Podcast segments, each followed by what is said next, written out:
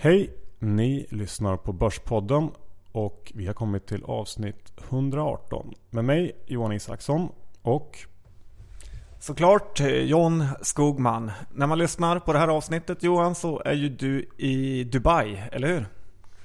det stämmer bra. Och eh, innan vi går in på dagens avsnitt så ska vi ju presentera vår sponsor DeGiro. Ja, tack Diro för att ni är med oss ännu en gång. Ni vet ju att eh, man kan trada alla världens aktier med eh, Valiant, Volkswagen och eh, även spanska godheter. Så att jag tycker att ni ska göra som jag och Johan, öppna ett konto på giro.se och snart halva svenska befolkningen också. Idag har vi ju en liten överraskning till våra lyssnare. Vi har fått en hel del mail från folk som vill höra Micke Syding i podden igen. Och ja, vi bjuder på Micke igen. Det här avsnittet kör vi en liten follow-up på den intervju vi gjorde i våras. Ehm, vi kommer prata marknad, räntor, guld och eh, ja, lite allt möjligt.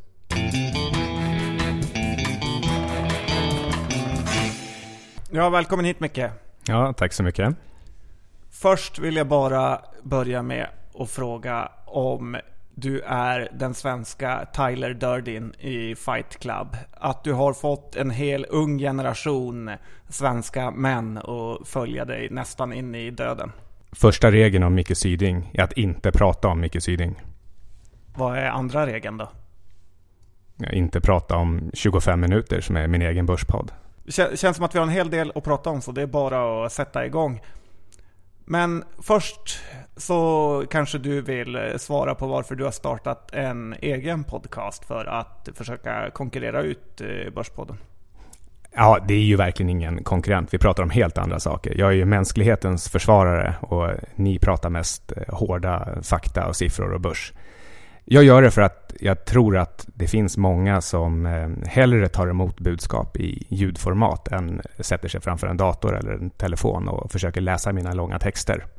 Ja, vi kan bara hålla med och eh, verkligen rekommendera er att lyssna på den här podcasten. Eller hur Johan? Absolut, det tycker jag. Vad har hänt mer då sen sist vi träffades i våras? Ja, jag lever mitt stilla liv. Hittat en, eh, en, en skön rytm då jag tränar varannan dag och dricker kaffe varannan dag. Jag sitter här just här nu med min varannan dags kaffe framför mig. Och eh, går ut med hunden.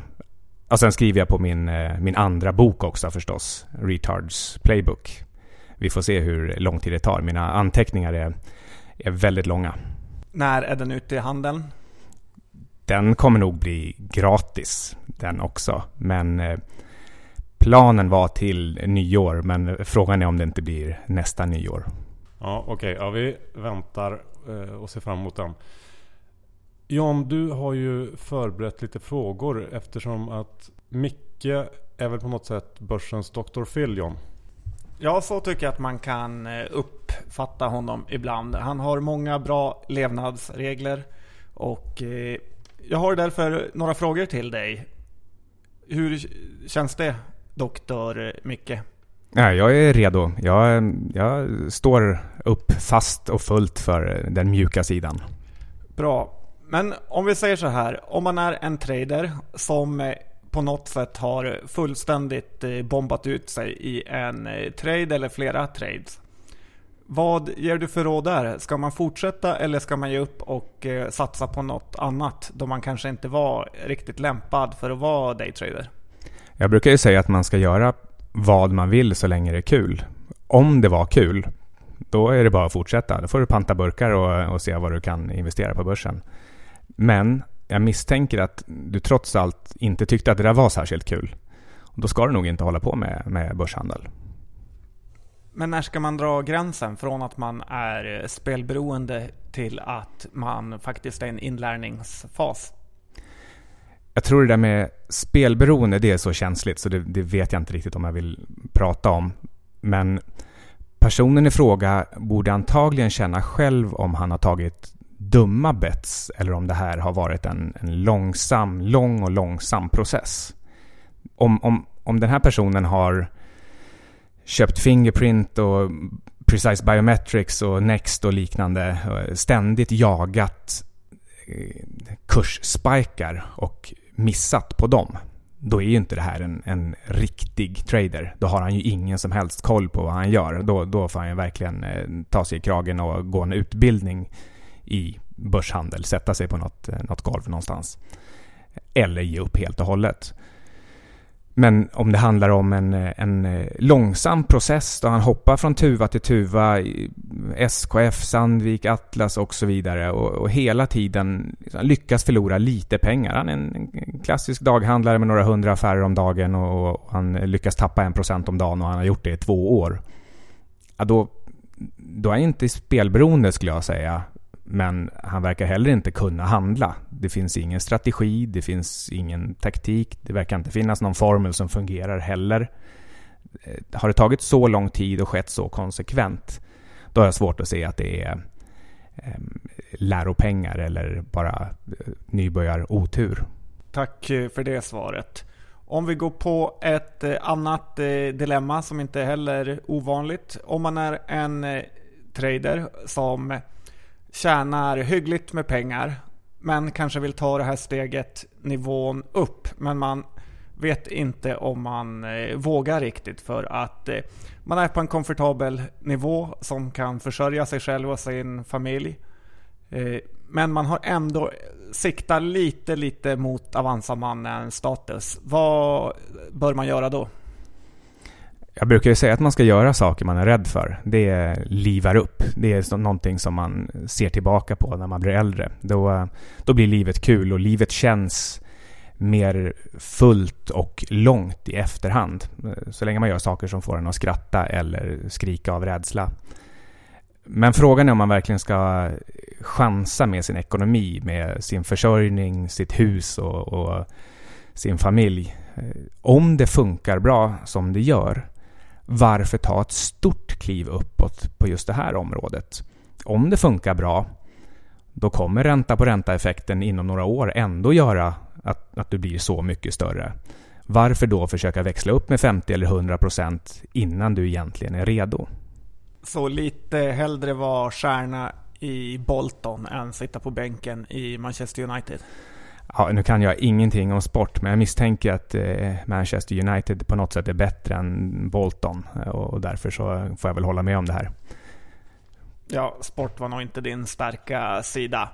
Och sen en sista doktor-Micke-fråga. Eh, om du har ett vanligt jobb men är väldigt aktieintresserad och är faktiskt sugen på att ta klivet ut och helt bli daytrader och lämna ditt vanliga jobb för att eh, du ser att intjäningen och friheten är väldigt stor. Hur eh, bör man tänka då? Till att börja med så är jag ju lite skeptisk till det här med att vara aktieintresserad. Det, det, är klart att det finns vissa som är det. För mig så betyder att vara aktieintresserad det är att man gillar själva processen med att analysera aktierna oavsett på vilket sätt man gör det, om det är fundamentalt eller tekniskt eller vad man nu har för andra metoder. Det vill säga man ska gilla den här processen i sig oavsett om man tjänar pengar på den eller inte. Om vi pratar om att man gör det här för att tjäna massa extra pengar eller få status eller få någon typ av frihet, då, då tror jag att man är ute lite på fel spår. En, en duktig handlare sitter oftast väldigt långa tider framför skärmen, lägger mycket tid på att förstå det han gör och komma, eh, komma före alla de andra tusentals som försöker göra samma sak. Det, det finns inga gratispengar här. Men eh, om man nu tillhör den lilla, lilla skara som, som faktiskt är aktieintresserad på riktigt, då tycker jag att man absolut ska ta klivet. Då, då finns det verkligen ingen poäng att hora ut sig i något vanligt jobb. Tack för det. Då fick vi några bra råd där. Um, jag tror att vi går in på eh, lite mer eh, din marknadssyn just nu. Har det hänt någonting med den sen vi träffades sist? Den generella synen? Nej, om någonting så, eh, så har den förstärkts. Jag tycker att vågorna i index ser ut som klassiska björnvågor. Vi är inte i närheten av att komma tillbaka till all time high i OMX åtminstone. Vi har sett de här klassiska 10% rekylerna, alltså studsarna uppåt.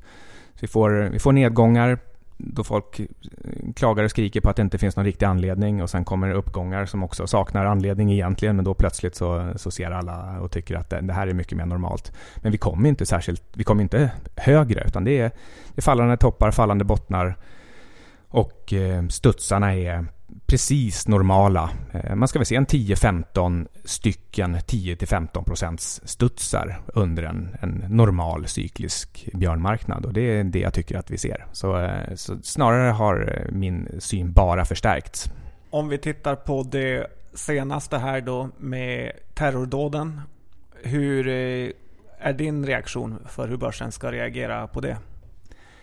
Jag trodde också att, att börsen skulle gå ner på, på måndagen efter terrordåden.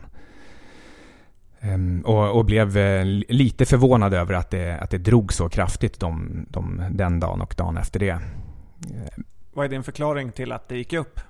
Jag, jag, tror att det är den här, eh, det här stimulansberoendet. Så fort någonting händer nu så pratar man om att ja, men då kommer ju centralbankerna tvingas göra någonting.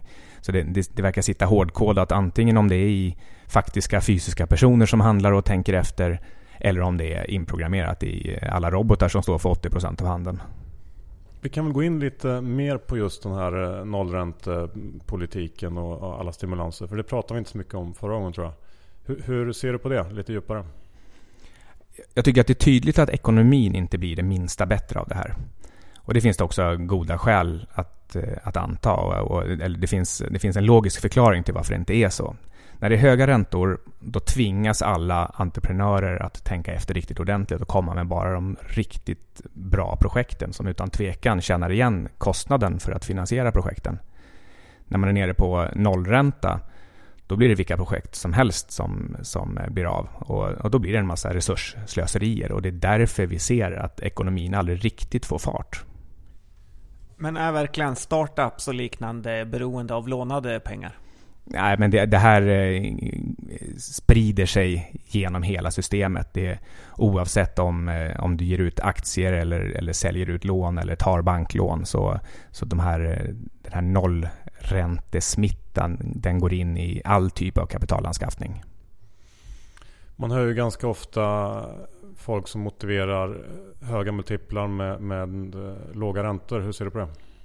Ja, det beror ju på om man tror att de låga räntorna ska vara kvar för evigt.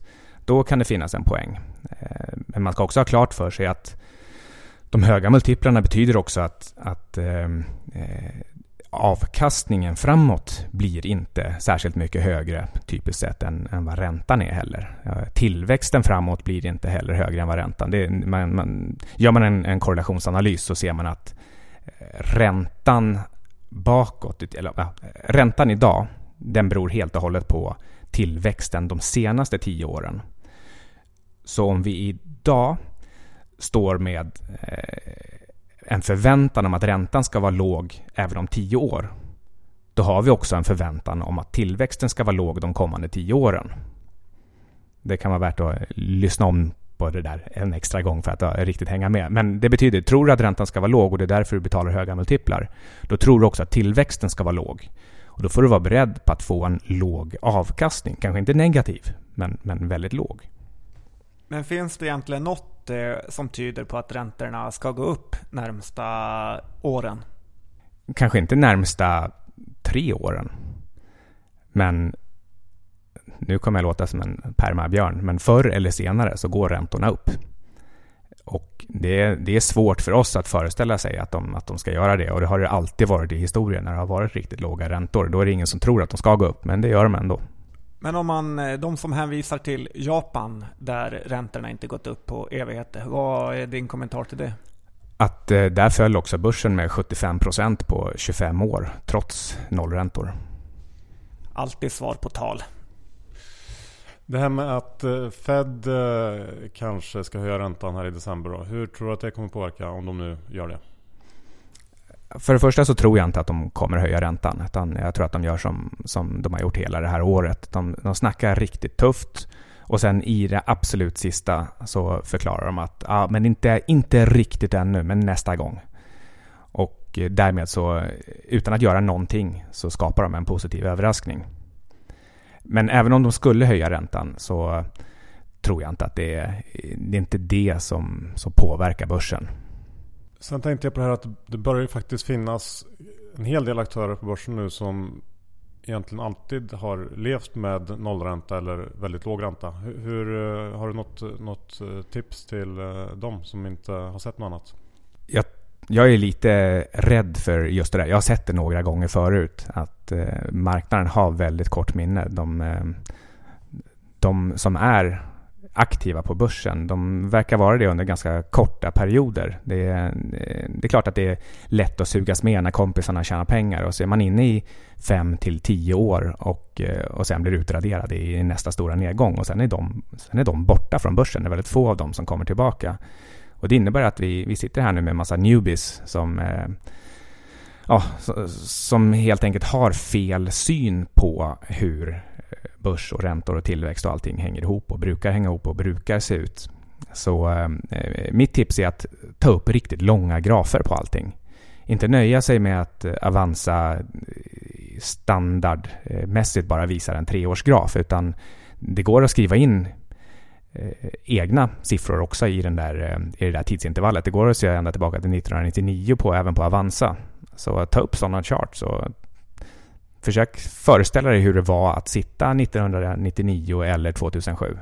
Men de som hävdar att eh, vi har en annan typ av ekonomi, att eh, företagen kan växa även fast inte BNP eller staterna växer. Att eh, man får skilja på företag och länder. Ja, hela den här QE-eran har ju förstås förryckt alla signaler lite grann. Och sen är det klart att vi har det här med automatisering och robotar som möjligen också gör det allt lättare för företagen att producera det de vill. Men någonstans så måste de sälja det här också. Det, förr eller senare så ska det ut till en slutkonsument. Annars blir det inga vinster. Och äh, har inte konsumenterna jobb med en ordentlig lön så, så går inte systemet ihop.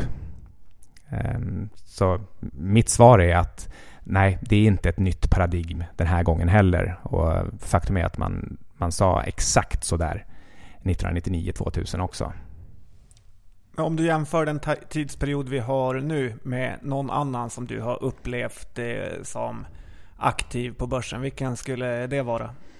Nej, då, då har jag ingen för jag levde inte då. Jag tror att det här påminner mest om eh, mitten av 70-talet med eh, oljeprisfluktuationer, eh, extrema guldfluktuationer, räntor, eh, stagflation.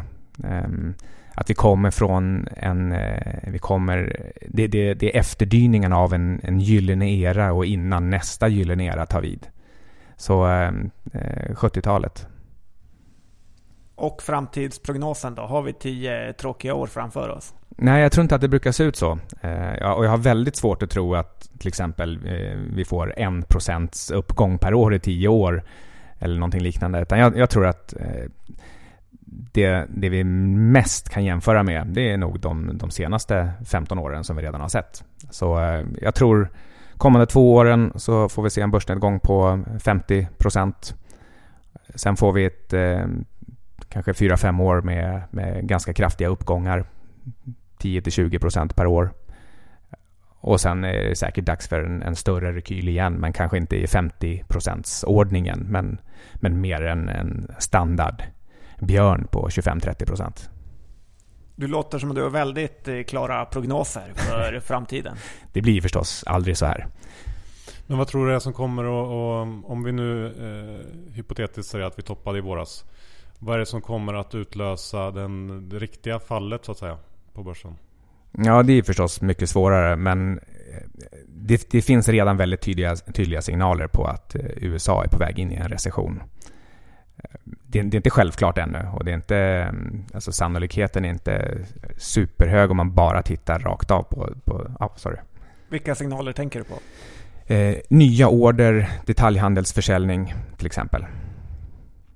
Och med en recession ovanpå extremt höga historiska värderingar och eh, en eh, ökande divergens vad gäller olika typer av finansiella instrument så, ehm, eh, så tror jag att det, det blir just det här med fallande vinster för företagen som till slut slår, slår undan benen. Du var lite kort inne på det nyss, det här med guld och olja. För det pratade du om en del i förra avsnittet. Att det var positioner som du ja, var lång i. Eller eh, hade i alla fall intresse i från tid till annan. Hur ser du på guld och olja nu? Ja, jag har fortsatt vara lång guld och eh, inte ens jag är mentalt eh, helt immun mot, eh, mot förluster och den här typen av svängningar. Men eh, på det stora hela så, så känner jag ändå att eh, guldpositionen, jag har inte rört den, den ligger kvar exakt som den gör. Eh, jag ligger fortfarande med, jag har fortfarande lite plus på den. Ehm, det spelar egentligen ingen roll, för eh, man tittar bara framåt. Men på något sätt är det alltid lite skönt att se positiva siffror i portföljen. Um, guldet är ju framför allt tänkt som någon slags försäkring. Det är, lite grann, det är en spekulation förstås på att det gick ner så mycket och lite grann en försäkring. Och det är, en, eh, det är ett sätt att köpa VIX fast på ett helt annat, annat sätt. Eh, så, så, guldet bara ligger där. Men jag är väldigt kluven kring guld. Vill man, vill man läsa hur kluven så kan man ju läsa mitt inlägg där jag börjar med att säga att guld är värdelöst. Kom ihåg det. Det, det, liksom, det, det är det enda man behöver veta egentligen. Guld är värdelöst. Ja, för du är väldigt kritisk till diamanter och eh, sånt också. Ja, och diamanter, då har du varit inne på Retards Notebook kanske och, och snokat. Ehm, och eh, där skriver jag ju om att diamanter, eh, diamantpris kanske är den största bubblan någonsin. Eh, det finns hur mycket diamanter som helst och eh, man kan, man kan göra de man behöver industriellt kan man tillverka och de man använder för smycken de har man egentligen bara kontrollerat upptaget ur gruvorna. Det finns hur mycket som helst i, i ådrorna. Det är bara att man ser till att ta upp precis så mycket som det finns efterfrågan till, till bröllop och minneshögtider. Så ehm, Ja, jag glömde frågan där egentligen med, med diamanter. Men, eh, men ja, jag är skeptisk till både, eh, alltså framförallt diamanter, de har inget riktigt värde i, i sig heller. Eller i alla fall ingen kostnad. Däremot så, så går de att använda och de är ganska fina. Guld är också fint. Men i övrigt ganska oanvändbart. Men också råkar ha just den här härliga egenskapen att det är oförstörbart. I, i princip. De atomer guld som kom hit en gång i tiden från någon supernova. De, eh, de är kvar här också. Och eh, ska man starta om ett finansiellt system med ordentligt förtroende, då måste man ha någonting i botten som man inte kan tillverka som, och som gärna är oförstörbart. Då, då är, blir det guld igen. Det har varit så i 5000 år. Det, det, konstigt nog så kan den här barbariska reliken få, få nytt liv igen. Men berätta lite mer vad du menar med oförstörbart. Det är inte diamanter och liknande också det? Ja, diamanter kan du krossa och elda upp och sådär. De, de är inte alls oförstörbara på något sätt. Eh, men, men eh, guldatomer, de, de stannar kvar precis som de är. Du slår inte sönder dem och, och råkar göra bly av dem eller någonting liknande. Utan eh, de, de ser ut som de gör. Allt guld vi har här, det stannar kvar. Mm, det är det där som kallas djupanalys. Olja kanske? Ja, just det. Olja också. Ja, jag gjorde ett par trades i olja i, i våras. Och sen dess har jag egentligen bara suttit och, och tittat och, och, letat efter ett bra köpläge. Jag har varit nära några gånger eh, och det skulle ha varit ganska bra tillfällen. Men det allra senaste gången som jag var riktigt nära, det var här för några dagar sedan. Och, och sen tror jag faktiskt oljepriset föll nästan ja, 8-10% direkt efter.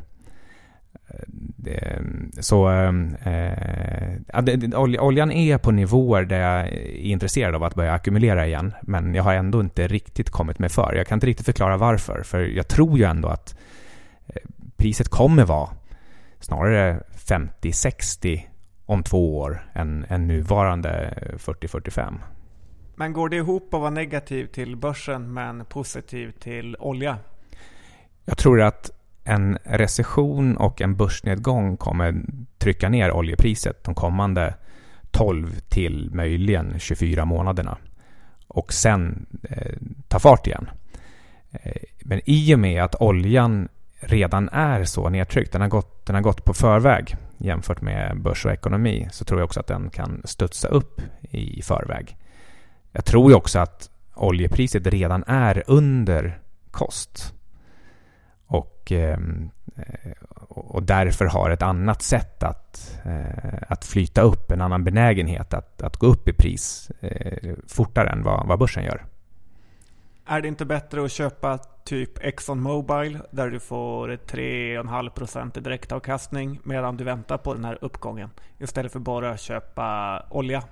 Det kan absolut vara så att det är bättre att eh, börja ackumulera oljeproducenter istället för, för råvaran. Men eh, jag har inte i dagsläget tid eller lust att titta på, på aktierna som sådana. Det finns ju andra risker med med dem också. Eh, miljörisker, borrningsrisker, terrorrisker och liknande.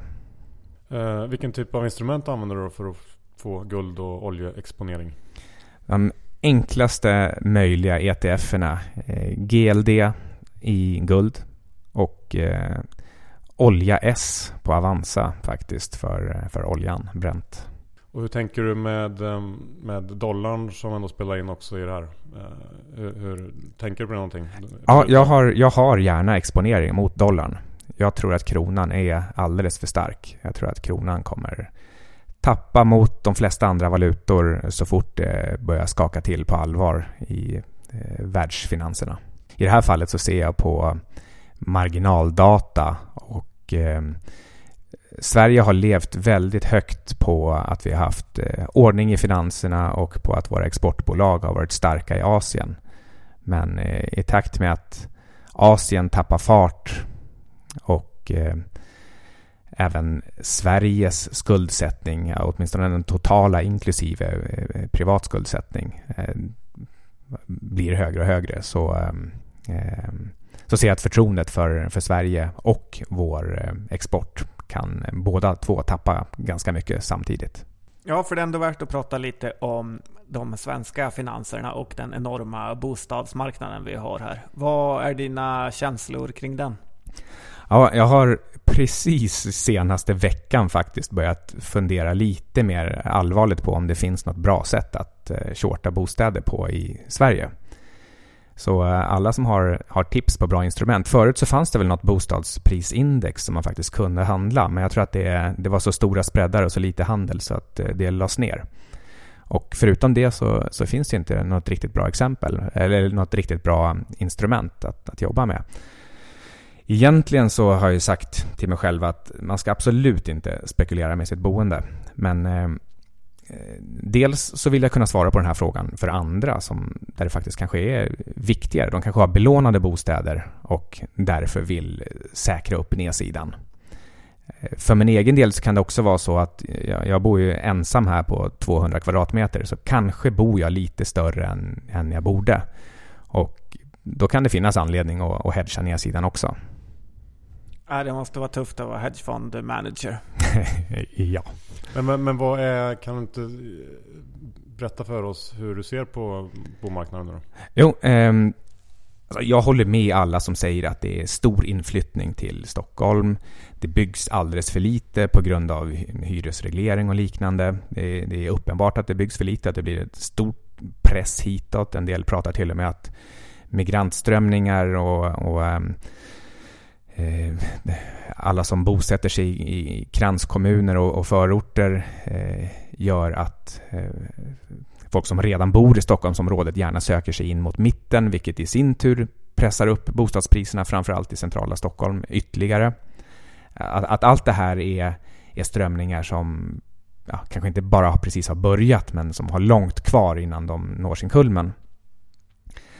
Å andra sidan så tar man upp en en prisgraf bara över Stockholms bostäder så, eh, så, så är det en, eh, en så skarp vinkel uppåt som sen har fortsatt i, i, flera år samtidigt som i princip resten av världens bostadsmarknader har eh, mattats av eller till och med uppvisat en, en kraftig dipp, inte minst i USA då för, för sju år sedan. Och som egentligen inte har hämtat sig så mycket ännu. Det är väl en del här precis på slutet men det verkar inte vara att det är vanligt folk som köper utan det är hedgefonder som köper och sen hyr ut dyrt. Så eh, exakt hur mycket luft det är i den återhämtningen återstår väl att se. Men jag tycker att bara på en, en helt vanlig prisgraf och inte minst jämfört med inkomstutvecklingen i Sverige så, eh, så ser det inte ut att, att hålla. Och jag har svårt att förstå också varför just Sverige ska kunna vara det enda eller ett av två, tre länder som lyckas stå utanför och, och ha en, en bostadsmarknad som bara blir dyrare och dyrare. För att vi har Zlatan? Ja, det är klart vi har Zlatan och det har inte Italien. Men en kompis som är makroekonom och kontorschef på Ja, han var det i alla fall på eh, Deutsche Bank tidigare. Nu jobbar han på Nomura. Vi brukar träffas och, och snacka makro och bostadspriser och han har Italien-kopplingar också. Han påpekar att på absolut bästa läge i eh, Italiens storstäder, jag tror att det är just Milano han brukar, brukar nämna, så eh, eh så får man topplägenheter för 4 till 5 000 euro per kvadratmeter. Och topplägena där är bättre än Strandvägen i Stockholm.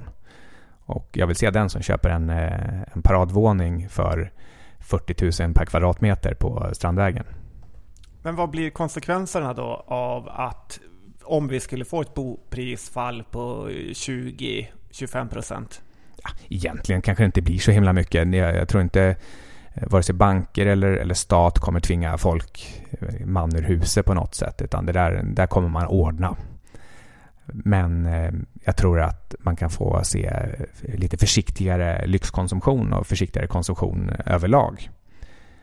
Men ehm, eh, egentligen, jag har inget huvudscenario här som säger att huspriserna ska ner. Jag har inte alls bråttom heller till exempel att hedga mitt eget boende. Det är inte så att, jag, att det här är någonting, någonting akut hos mig. Eh, utan det är mer det, är lite spännande, lite fascinerande och, och egentligen så ska jag helst bara sitta vid sidan av och, och titta på. Eh, se vad det tar vägen, om, om huspriserna dubblas eller om de, som du säger, faller 25 procent. Um, och jag, jag, tror som sagt inte att konsekvenserna blir, blir så stora. Men, möjligen för, eh, för folk som är på väg in i bostadsmarknaden. Så för en del blir det lättare. Och för många så får det helt enkelt konsekvensen att de kan inte flytta som de vill. Därför att om de flyttar så måste de realisera sin förlust och, och då tappar de, tappar de sin equity och då, och då går det inte mot banken. Så att man kan få en, en viss låsning på bostadsmarknaden. Och en del som vill ge sig in eh, på nytt eller för första gången i bostadsmarknaden kanske också upplever det som att det, det här är lite, lite obehagligt så eh, de avstår från att köpa. Därför att många, många, eller inte många, men en del som köper tänker nog ändå att oh, men det, det är nog bättre att köpa än att hyra för då kan man åtminstone få en, en prisuppgång med sig också. Och, och tar man bort den dynamiken så, så blir det ytterligare lite färre köpare. Men, men jag tror inte att det får så himla stora konsekvenser för, för Sverige eller för Sveriges ekonomi på så sätt. Lite mindre konsumtion. Ja, tack för det. Nu lämnar vi bostadsmarknaden för den kan trötta ut nästan alla i det här landet. Då tänkte vi att vi skulle gå över och snacka lite mer bolagsspecifikt. Du har ju twittrat en del om ett par bolag. Eh, vi kan börja med Fingerprint. Ja, Fingerprint är en, det är en, eh, en kul grej kan man säga. Ehm, jag har ingen liksom, särskild beef med någon och det är inte så att jag har någon mer djupsinnig analys än någon annan på Fingerprint. Men jag har lite svårt bara att se Eh, den här ehm, eh, starka tron på eh, hur långt tillväxten ska nå. Eh, vi får ju se order, vi får se orderingången, vi, vi har fått se resultat också här på slutet, till och med positivt resultat, det är det för första gången. Ehm, men, men, men från att göra ett kvartal ehm, med, med någon miljard i försäljning och, och några hundra miljoner i resultat till att tro att när prognosen ska levereras för 2016 att det, att det ska handla om att de säljer för mellan 6 och 10 miljarder och gör 2 miljarder i vinst. Den typen av förhoppningar tycker jag är lite farliga att sprida om man inte verkligen har täckning för det. Nu är det så att tillväxten är så stark och det är en intressant produkt just nu för mobilföretagen med, med en fingerprintsensor att det här caset är lite utom kontroll. Jag vet förstås inte om, om de plötsligt kommer sälja för 2 miljarder i, i fjärde kvartalet. Eh, snarare än, än, eh, än 1,2. Eh, och jag vet inte om, om de kommer ha en ännu högre bruttomarginal i det kvartalet än, än, eh, än det senaste kvartalet. Och, och, blir det så, ja då kan den här aktien mycket väl skjuta ännu högre. Eh, inte minst för att folk är så entusiastiska och det är många som, jag har vi sett, det tillkommer väldigt många nya aktieägare i det här företaget. Och ehm, då, då är det klart att det kan skjutsa upp kursen ytterligare och, och man kan ha lite fantasi om att eh, göra om 6 till 10 miljarder i försäljning och 2 miljarder i vinst nästa år och så blir det dubbelt så mycket året efter det. Men då plötsligt så, så ser de ju inte dyra ut. Det är bara det att jag tror inte att endgame ligger där borta. Jag kan absolut se att man kan spekulera i att andra tror det här. Det är inga, inga konstigheter med det. Men precis som jag sa på börslunch eh, för ett tag sedan så tror jag att om inte fjärde kvartalet levererar någonting exceptionellt och om inte prognosen är också exceptionell för 2016, då är spelet över sen. För då har den här S-kurvan i tillväxt vikt av. Men, men jag kan inte komma med någon förutsägelse att den ska göra det. Personligen så, så, tror jag att det är sannolikt att den, att den viker av och att man, man anar det redan i, i Q4. Men eh, jag säger bara att det är, det, är, det är farligt att spekulera i att, det, att allting ska gå på, som på räls och den kraftiga tillväxten. Men vi har sett till exempel Carnegie har ju väldigt höga riktkurser på det här och de har väl också gjort hemläxan? Ja, det är väl någon 25-åring där som har fått räkna fritt och jag kan tänka mig att alla andra på Carnegie tycker att det, det är superhärligt att ha en, en sån eh, Amazon-håsare eh, som, vad hette han, Henry Blodgett eh, på den gamla goda tiden som hittade på eh, riktkurser som eh, eh Ja, det, det, är kul att ha en sån kille på firman som, får, som sen får klä skott ifall det går fel och ingen erfaren analytiker behöver bry sig. Ja, så kan det ju kanske vara.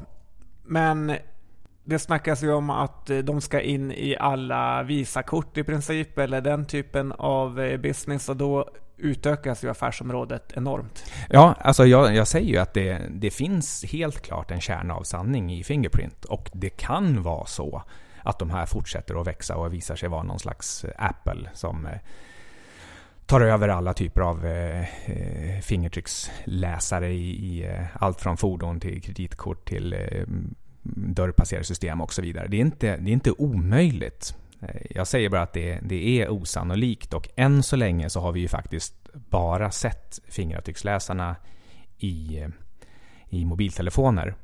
Och den orderingång som vi har sett den är, den är kraftig men man anar redan hur, eh, hur tillväxten viker av. Hur många procent chans ger du att det är nya Apple? Um, mindre än en procent. Du har fått en hel del kritik från andra på Twitter att du är lite taskig mot Fingerprint. Hur tar du det?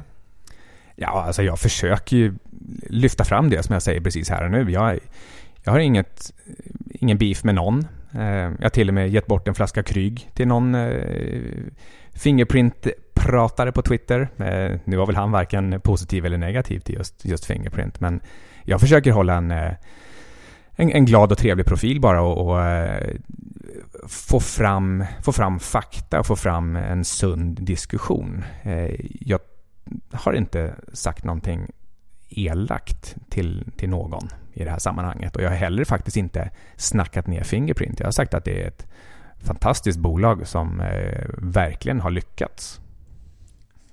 Men så slutligen på Fingerprint, din rekommendation är sälj innan Q4 rapporten? Nej, alltså snarare så säger jag nog att eh, det kan vara så att Q4-rapporten skickar upp den här eh, en, en sista spike uppåt. Så, eh, och huruvida man ska sälja före eller efter den Q4. Skulle jag själv gå in och planera en short, då skulle det vara till efter Q4. Men det hänger ju med väldigt mycket också på vad kommer de med för prognos för 2016. De ska ju komma med en nu i december. Det kan ju vara den som skjutsar upp den till den sista spiken. Eh, så, så, så kom, ja, det, det, blir lite komplicerat men, men jag tror att det är, det är, inom tre månader så har vi nått kurstoppen i eh, Fingerprint. Precis som jag sa på, i börslunch. Att det är någonstans här kring, eh, kring Q4. Så det är 20 november idag, 2015. 20 november 2016. Är den högre eller lägre? Ja, mycket lägre. Den, den står i halva dagens nivå. Bra, ska vi gå in på en annan eh, kursraket? Vårt eh, 3D-printing-hopp i Sverige. Ja, Arkham. Precis. Det, ja, de orderna trillar ju in får man säga som eh, en, eh, en, en person som jag diskuterade Arkham med eh, friskt på, på Flashback med för, för något år sedan. Flashback? Ja, det är eh, alltid kul att hänga på sådana forum och, och se. Man, man, får, ehm, eh, jag hänger gärna på olika ställen och, och får olika impulser. Det, jag tycker det är roligt. Eh, och, och, och här pratar vi inte och beställa mord eller knark eller någonting sånt. Utan vi, vi snackar Arkham och det var en seriös tråd helt enkelt. Jag kan säga att den tråden var bra mycket seriösare än trådarna på eh, Placera eh, i Avanzas forum. Där hänger en, en del riktiga, jag säger bara newbies, så, så blir det inte så elakt. Men vad menar du? Nej, det, nej men eh, en del eh, saknar helt enkelt insikt både om aktier eh, och sig själva. Och då, då blir det en otrevlig stämning. Det, det är väldigt mycket sekt och ryggdunkande på placera. Sen finns det några enstaka smarta människor förstås som antagligen är som jag att vi, eh, vi har lite svårt att hålla oss borta. Vill gärna både hjälpa och lära men så, så slutar det med att man blir indragen i, i det här, eh, eh den här sjuka, eh, sjuka världen och diskuterar saker man inte riktigt vill. Men Arkham, de, eh, det här med att ordnarna trillar in, det var ju förstås bara ett skämt. För eh, dels har de ändrat sin policy så att de inte längre publicerar order om de inte är systembetydande eller signifikanta eller över 10 miljoner eller gärna fem maskiner på en gång och sådär. Så att när de säljer en maskin och ibland även när de säljer två så vet man inte om om de har gjort det eller inte. Men i Q4 hittills har de inte publicerat en enda order. Att aktien då är upp från 92 till 170 sen eh, botten för några månader sedan. Det, jag skulle vara orolig om jag ägde Arkham-aktier och jag ser att Q4 rullar på utan att de publicerar en enda order. Det är klart att de, de tar enstaka order nu. Det, de hade en, en, en okej okay orderbok, men för att det här ska gå ihop så måste det komma ett antal order snart. Även i den storleksordningen som, som de måste publicera. Men 3D-printing är väl rätt hett ändå? Man gör tänder, man jag läste om någon på, i USA som sa att man skulle skicka upp en 3D-printer i rymden på någon planet eller komet så kunde man bygga en hel stad via den. Det är ja, ganska smart va? Absolut, men eh, det är knappast en Arkham-printer som ska upp dit. Och det är knappast Arkham som kommer göra alla 3D-printers i hela världen som en del på Placera verkar tro.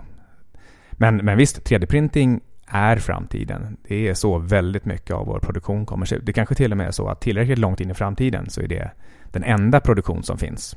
Lite beroende på vad man definierar som, som additiv tillverkning. Ehm, men men eh, tillbaka till Arkham så rent konkret. De måste sälja sina maskiner, få ut en installerad bas, fortsätta att sälja sitt pulver, eh, ha marginal på både pulvret och maskinerna och det här kommer ske i allt mer tilltagande konkurrens från andra tillverkare. Om 3D-printing är framtiden, då är det inte bara ett företag som tillverkar de här skrivarna. Vilket bolag är du mest negativ till? Fingerprint eller Arkham? I sådana fall så är, det, så är det Arkham.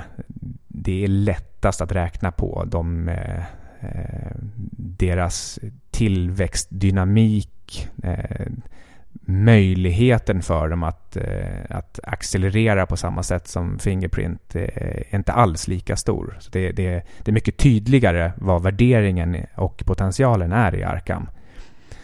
Medan Fingerprint, även om man kan räkna på potentialen i till exempel eh, mobilmarknaden för, för fingerläsare 2019 och, och se någon slags väg ditåt så, så finns det som du själv påpekade så mycket andra möjligheter som kan vara svåra att hålla koll på.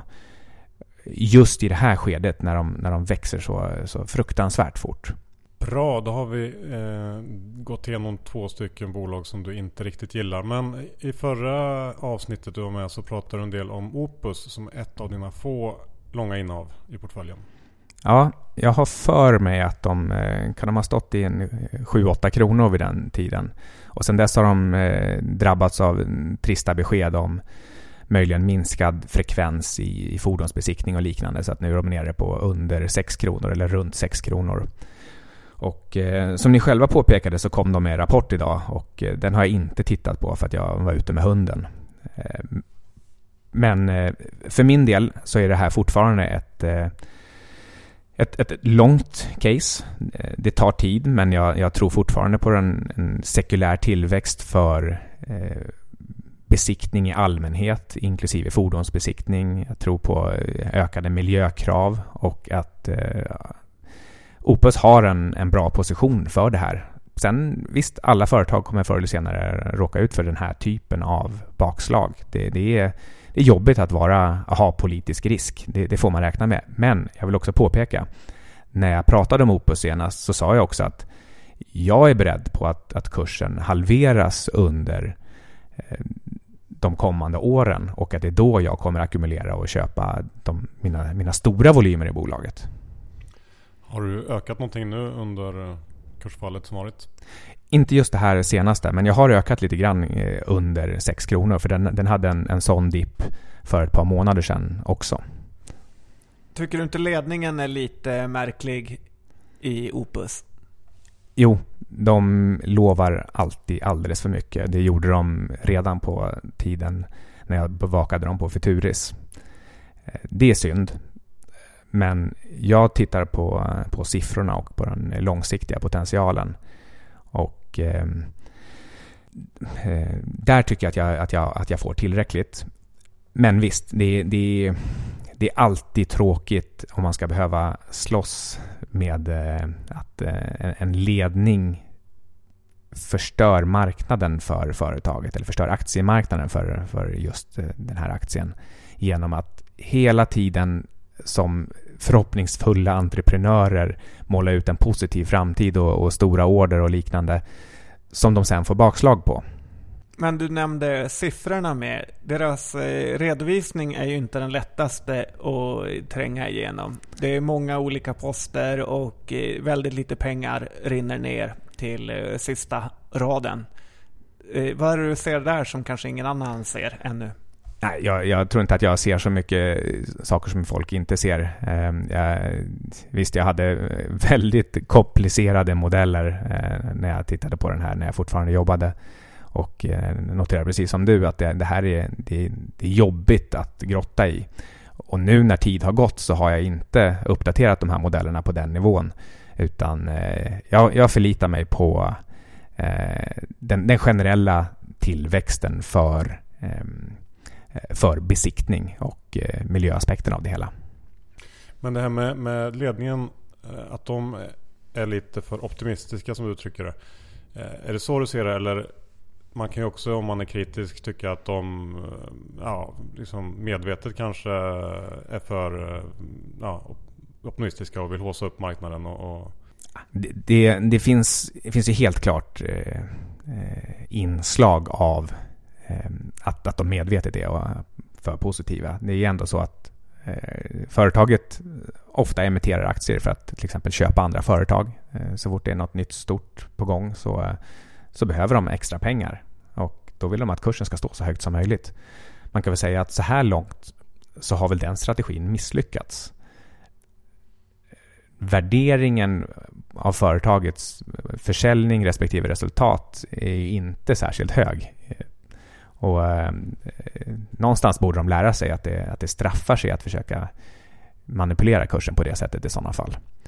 Men å andra sidan så har de också lyckats få in sina emissioner på, på ganska höga kurser eh, så långt och, och, och köpt företag och därmed skapat ett, en, en, större koncern. Men jag hoppas verkligen att det, är, att, det är, att det är slut på det, att någon tar tag i deras PR-bit. Och, ehm, jag tror problemet är att, att eh, de som, alltså Greco och eh, eh, de andra killarna, de har varit med så länge i det här företaget. Att, eh, jag, jag, jag, tror inte att eh, det riktigt lämpar sig för entreprenörer att, att driva företag på den här nivån. Men en köprekommendation på Opus i alla fall. Det är fortfarande en, en köprekommendation men jag vill återigen understryka att jag tror ju fortfarande att det finns mer kursdipp kvar. Men det har ju mycket att göra med min börssyn också. Ja, är det är svårt att klara sig om börsen packar ihop. Ja. Det andra bolaget vi pratade lite kort om som du hade en liten slatt i var Peptonic. Krämer mot eh, någonting i underlivet på kvinnor. Ja. De eh, kom ut med dåliga resultat och aktien packade ihop fullständigt. Ja, det där var ju verkligen den, eh, den chocken som eh, man inte ville ha men som man måste vara beredd på den här typen av bolag. De, de klantade till det med sin kliniska studie. I det här läget så kan vi inte veta om det bara var klantigt, huruvida man löser det bara genom att använda glaspipetter istället för plastpipetter. Men de fick ju ett resultat helt enkelt som sa att krämen funkade bara precis lika bra som en, en eh, placebokräm. Mycket trist resultat. Och då har de ju spenderat hela emissionsbeloppet och, och därmed så finns ju egentligen inget värde kvar i företaget. Eller de, de står på samma, samma ruta som innan den första emissionen. Och eh, ja, kursen föll väl med en 80 procent eller någonting på en eller två dagar. Så en, en, en, mycket trist historia. Jag, jag, där och då så funderade jag på om jag bara skulle sälja helt enkelt. För eh, nu fanns ju inte företaget kvar e-, egentligen. Men så beslutade jag mig för att jag tror ju fortfarande på möjligheterna med oxytocin. Och då pratar vi inte bara den här typen av vaginal atrofi eller vad, vad det nu är, det här första Eh, området de jobbar med eh, heter. Utan det, det, finns så mycket annat man kan göra med oxytocin. Och det som är bra med det är att det är ett kroppseget, en kroppsegen molekyl som därmed inte har några biverkningar. Och eh, ja, nu, eh, eh nu genomför de ju en, en emission igen. Eh, ungefär samma storleksordning men på är det en tredjedel eller någonting sånt av den, av den förra kursen. Så eh, det blir en, en fruktansvärd utspädning och man får helt enkelt börja om alltihop på 3 kronor istället för 12 kronor. Kommer du delta i den nyemissionen? Ja. Alright, vad har du för bolag på spaning förutom de här bolagen vi pratat om nu? jag har nog inte så många bolag på spaning, i alla fall inte som jag har i huvudet. Jag, har lite listor både på fysiskt papper och jag klickar in lite företag ibland i, eh, i min lista i Avanza. Men, men det här är inte... De är inte riktigt aktuella utan eh, jag vill inte köpa de här egentligen förrän jag ser ordentliga kursfall både i de bolagen specifikt och för börsen totalt. Jag har oändligt tålamod. Bra Micke. Då börjar den här intervjun eh, gå mot sitt slut. Eh, vi får se hur det ser ut på börsen nästa gång vi träffas. Om den kanske har halverats eller om vi har något nya toppar. Det blir spännande. Ja, jag skulle ju så himla gärna vilja vara, bli stämplad som permabull någon gång i framtiden. Ja, jag med. Tack så mycket för att du ville vara med. Tack så mycket.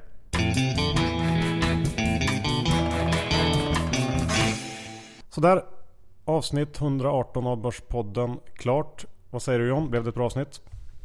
Ja, det blev ett fantastiskt avsnitt. Eh, Micke Syding vet ju verkligen vad han pratar om. Det är sådana killar som honom man verkligen vill träffa. Precis John. Och innan vi säger hej då så ska vi bara säga några ord om vår sponsor DeGiro. Som är riktigt billiga om du vill handla aktier framförallt i utlandet. Vad ska man göra John? Gå in på diro.se och eh, signa upp er så ligger världens aktiemarknader framför era fötter.